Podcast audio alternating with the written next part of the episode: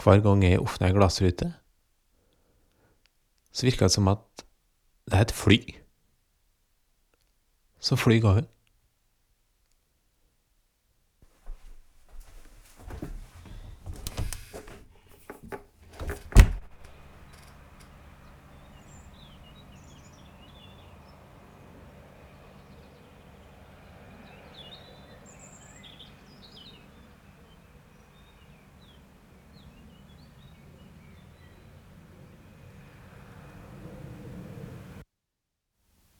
Når har du vist godvilje overfor noen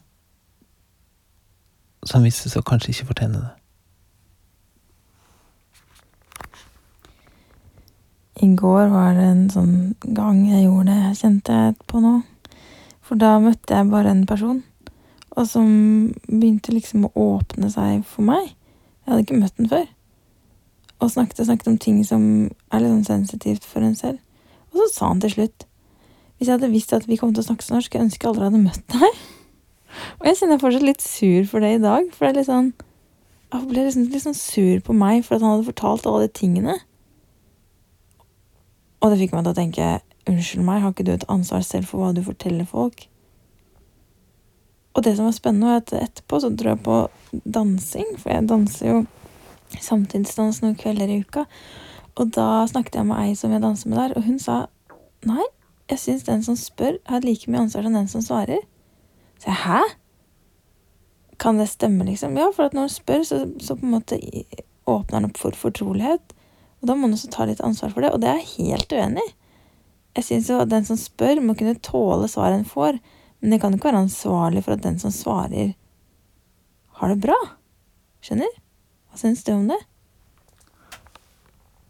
Jeg tenker at det er en forskjell her på om noen har dette her som profesjon, og eksempel jeg som noen sin psykiater, eller om dette her er noen du møter på et tilfeldig sneakerverksted i byen. Nei, kanskje det Jeg har aldri tenkt tanken om at den som spør, står med et ansvar for svaret den skal få. Og, og det mener jeg med at liksom Hvis jeg spør hva syns du egentlig om meg, det er deg, og du skulle svare 'Jeg vet hva, egentlig så er du det verste mennesket jeg har møtt, så tenker jeg da kan ikke jeg bli sur for at du sa det, for jeg la opp til faktisk at jeg kunne få det svaret, eller et hvilket som helst svar. Men det der med at jeg da skal være ansvarlig Hvis jeg spør eksempel hvordan har du det, og så sier du jeg har det helt jævlig, og så blir du sur på meg fordi du sa det til meg for jeg tross alt spurte. Jeg syns det er en rar eh, konklusjon. Han spurte også er du psykolog, Så jeg nei. Og det syns jeg er så rart, at skal det være forbeholdt psykologer å stille spørsmål som kan røre folk? Hm. Men du skulle sikkert en annen retning enn dette her. Hver gang jeg åpner ei glassrute, så er det et fly der.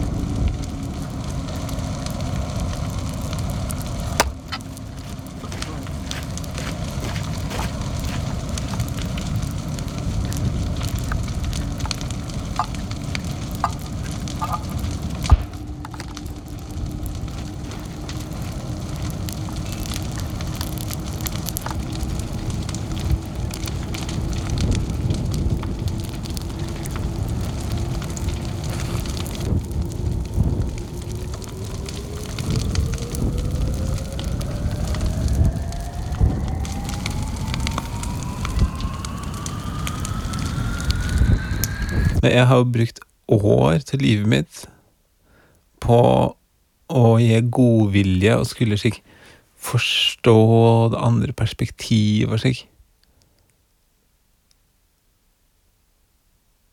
Til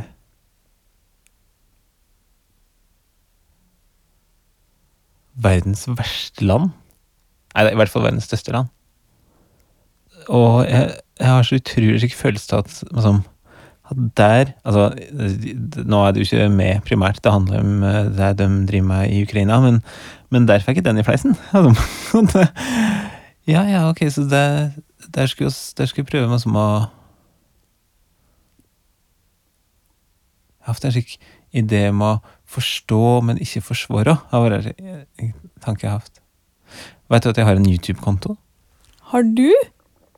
Er det sant? Har vi vært sammen i snart elleve år, og så har jeg ikke visst om YouTube-kontoen din? Hva tror du er på YouTube-kontoen min? Mm, videoer av søte katter. Og jeg er sikker på at du får opp noen sånne nakne rumpedamer, for det får alltid jeg opp, sånn Ibiza-crew. Men kanskje ikke sånn Ja, men det, det er jo det du får opp når du skal søke. Jeg har ikke lagt ut Jeg har ikke sjekket det er Deep House i pizza. Så må jeg søke five, nei. Å, hadde det vært kult? Noen konto som var slik Deep House i pizza? Men unnskyld meg, altså, har du en YouTube-konto hvor du poster videoer? Som du har lagd? Konto som var slik Deep House i pizza?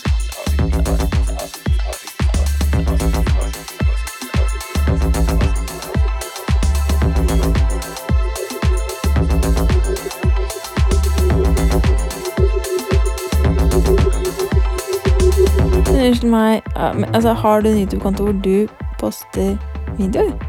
Som du har lagd? Eller som du har sett andre steder, som du reposter? Det fins en video på YouTube-kontoen min. Den- Jeg har ikke logget den sjøl. Men jeg har lagt den ut for at den lå ikke ute på internett. Det er den derre musikkvideoen fra eh, Amerika. Goodbye America. Ja. Det, da skjønner jeg det. Hva heter YouTube-kontoen din, da? Du, greia med YouTube-konto Jeg har aldri fått den til å hete noe annet enn bare Jeg har en gmail-konto. Og når gmail-kontoen min heter navnet mitt, så heter YouTube-kontoen min navnet mitt meg. Fordi jeg prøvde å ha et Jeg hadde lenge et annet navn på YouTube-kontoen. Men da skjønte jeg at når jeg sendte e-post til folk, så fikk de Nå husker jeg ikke hva det navnet var, men da fikk de eksempel slik cutieboy-85 som avsender på, på Goodbye, America. Still never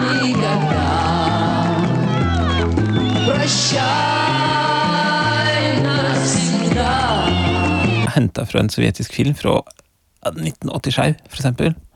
Og det er i den filmen så spiller bandet Nautilus Pompilius sangen 'Goodbye America'. Eller den heter vel egentlig Ja, den heter egentlig sånn Det siste brevet heter den sangen. Og den ligger ute med teksting, for at den lå ikke ute. Og jeg tykte det var så fint, og i den filmen var det så fint når den sangen kommer.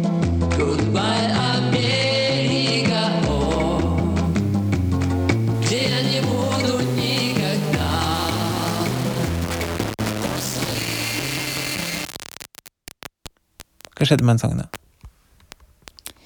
Han som synger, tror jeg, han sto på russisk TV og sang med en eller annen sånn skikkelig propagandamongo. Eh, propagandadumming. Og viste at han var veldig glad i den nasjonalistiske strømningen Putin er eh, leder for, da. Og da ble du så lei deg. Fordi hvordan kan du like en sang som var sunget av en despotelsker? Var det sånn? Mm. Hvordan kan det, da?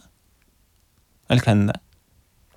Jeg tenkte akkurat på det nå mens vi snakket, at liksom sånn Det er så åpenbart at det å like Russland er på en måte eh, ikke så lett kanskje nå for tiden. Eller jeg, jeg jeg vet ikke om det ikke er lett, eller om det ikke er lett å si det til folk, hvis du skjønner. Eller om det Forskjellen er Ikke sant? Det her husker jeg at mamma sa til meg da jeg var liten. Uansett hva du kommer til å gjøre, uansett om du havner i fengsel, så kommer jeg til å elske deg. Og tenkte sånn, ja, det er fint å vite. Jeg har ikke havnet i fengsel, men greit, da, liksom. Men så tenker jeg, har du litt samme greie med Russland, at uansett hva det landet gjør, så kommer du til å elske det? Men det hadde tatt seg dårlig ut om mamma hadde gått ut i avisa og sagt sånn jeg elsker hun trippeldrapsdømte der, ikke sant, skjønner? Sånn at det er noen typer kjærlighet som man bare bør holde litt for seg selv. Så jeg lurer på om du egentlig fortsatt elsker Russland, men at problemet er at du ikke lenger kan si det. Hver gang jeg åpner ei glassrute, så er det et fly der.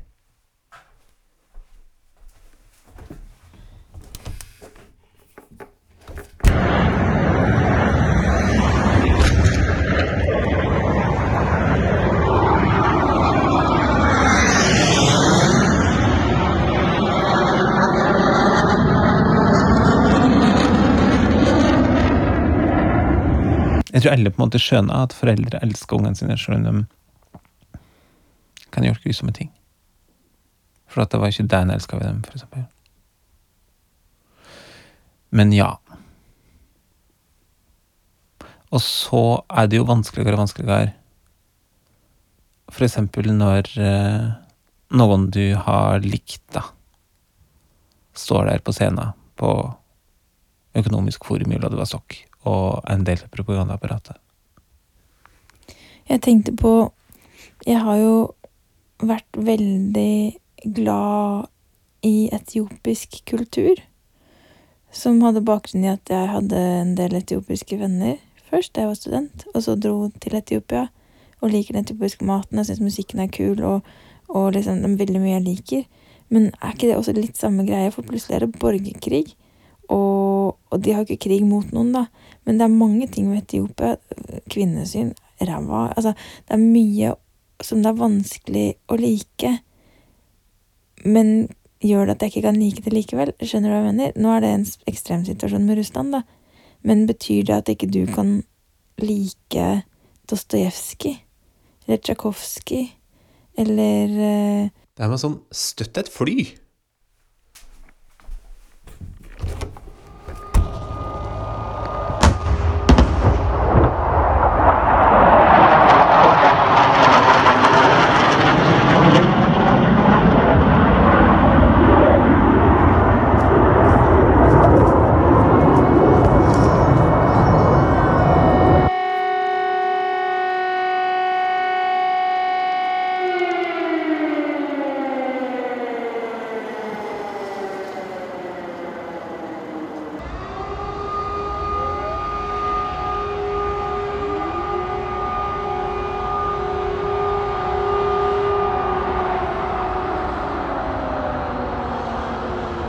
Filmen staker Stalker. Fordi den er, de er laget i verdens største land med mennesker som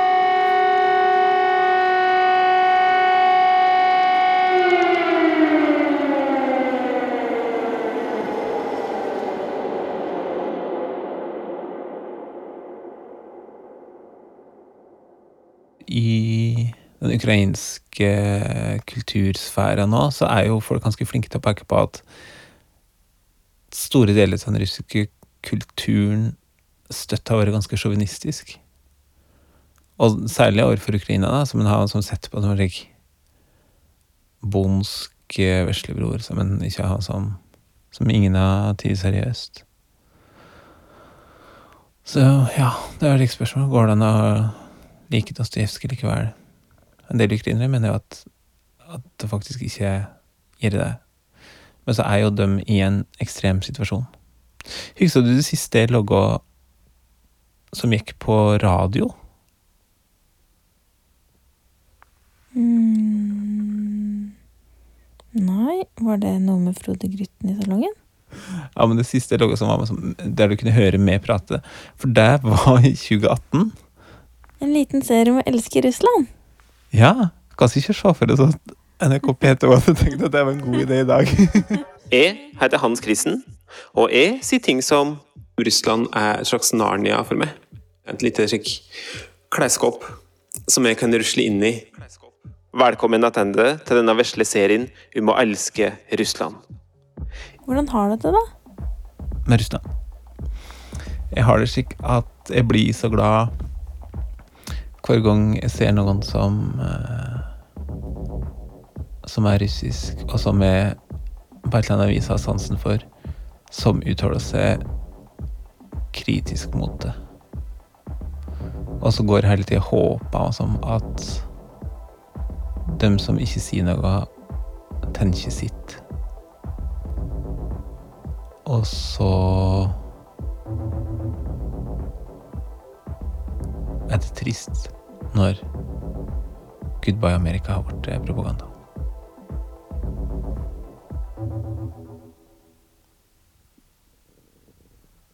Ting denne snekkeren jeg møtte på i går, som på et tidspunkt sa at han ikke Eller han skulle ønske han ikke hadde møtt meg, um, sa før det ble sånn, da. Så sa han For jeg kom med en spøk som var litt uh, uh, ladet i en ufin retning, fordi jeg kan ofte være litt ufin, men så kom jeg til å tenke på Kan ikke du fortelle den?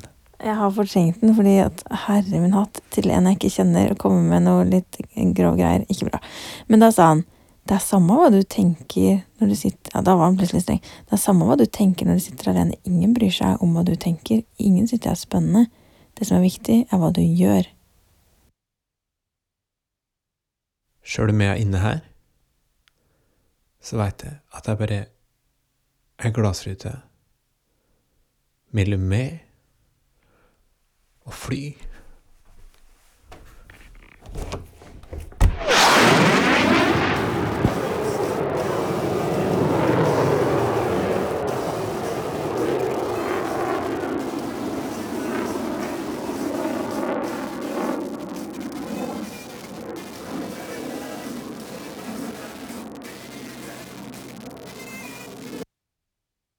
For så lenge de ikke gjør noe, er det det som er viktig, eller er det bare det Altså, det får jo ikke noen effekt om de er for eller mot så lenge ikke noe skjer. Skjønner?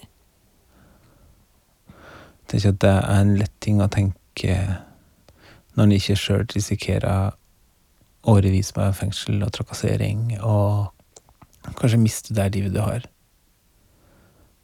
Så ja, jeg er enig til det, men jeg vil heller gi s- applaus til dem som sier mot, enn å klandre dem som ikke sier noe når situasjonen er som den er. Hadde jeg sagt noe, hadde jeg risikert fengsel og vite at liksom dere her hjemme skulle levd kanskje som trakasserte, miste jobben alt mulig, mens jeg var borte bare for at jeg skulle si hva jeg mente. Hadde jeg Men samtidig så ser jeg for meg at det ville vært helt ulidelig. Betyr det dårlig? Ja. Å ikke stå opp. Bare sånn som i Syria, liksom, før krigen. Da må du sette på springen for å snakke om politikk, for at den var forventet å være overvåka da, av folk. Tenk det. Hva skjer når du er så ufri at ikke du kan si ting? Hvem hadde du vært i Russland?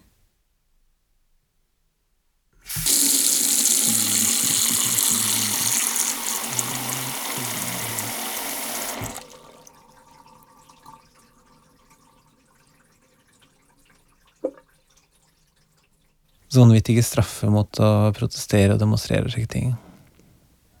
Men dem som i vår laga små plastelinafigurer, som er sånn fem centimeter høye, med små skilt der det står slik der Nei til krigen, og slagord og sånn, og setter rundt i byen i St. Petersburg, slik at de ikke sjøl demonstrerer, men slik at den som går forbi, plutselig ser en liten plastelinafigur som står og demonstrerer. Slik skulle jeg hadde gjort i, hvis jeg var i den situasjonen. Lur.